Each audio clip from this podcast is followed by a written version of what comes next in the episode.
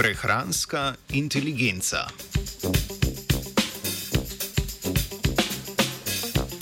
Smo ljudje sploh pozorni na zmernost vnosa kalorij pri uživanju obrokov?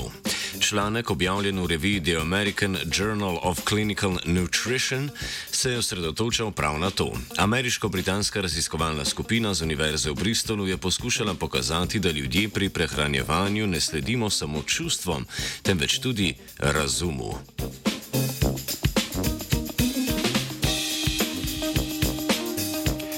V študiji so spremljali prehranjevanje pri dveh skupinah. Pri prvi so beležili vnos energije med obroki, ko prehranjevanje pri posameznikih poteka ad libitum.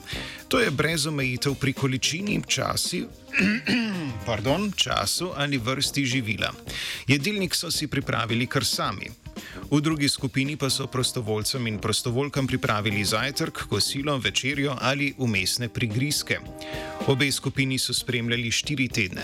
Za vsak ponujeni obrok so raziskovalci in raziskovalke zabeležili še energijsko in hranilno vrednost, gramaturo in energijsko gostoto.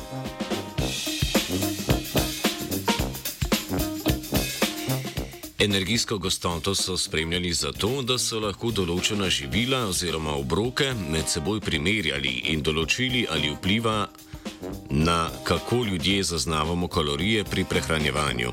V energijski gostoti se namreč skriva tudi energijska vrednost, izrazimo pa jo v kilokalorijah na gram teže določenega živila.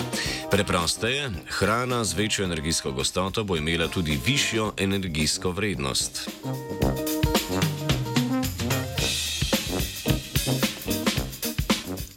Rezultati pri obeh metodah so pokazali, da se je pri energijsko revnih obrokih vnos kalorij povečal na račun energijske gostote.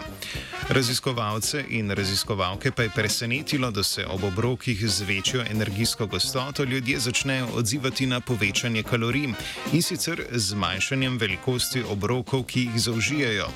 To kaže naprej neprepoznano občutljivost na energijsko vsebnost obrokov.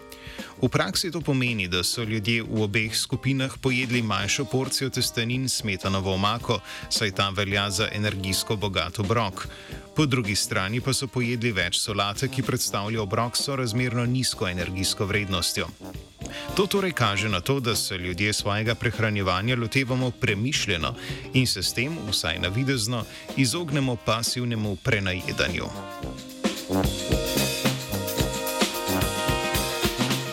Svoje rezultate so primerjali še z rezultati nacionalne raziskave o prehrani in prehranjevalnih navadah prebivalstva Združenega kraljestva. Rezultati se ujemajo z njihovimi ugotovitvami, da med ljudmi prevladuje miselnost, da se svojega prehranjevanja lotevajo premišljeno. Dolgo je veljalo, da raje izbiramo obroke, ki na videz delujejo bolj kalorično in nasitno. To se sicer dogaja nezavedno, a je pomembno pri razumevanju tako imenovane prehranske inteligence koncept.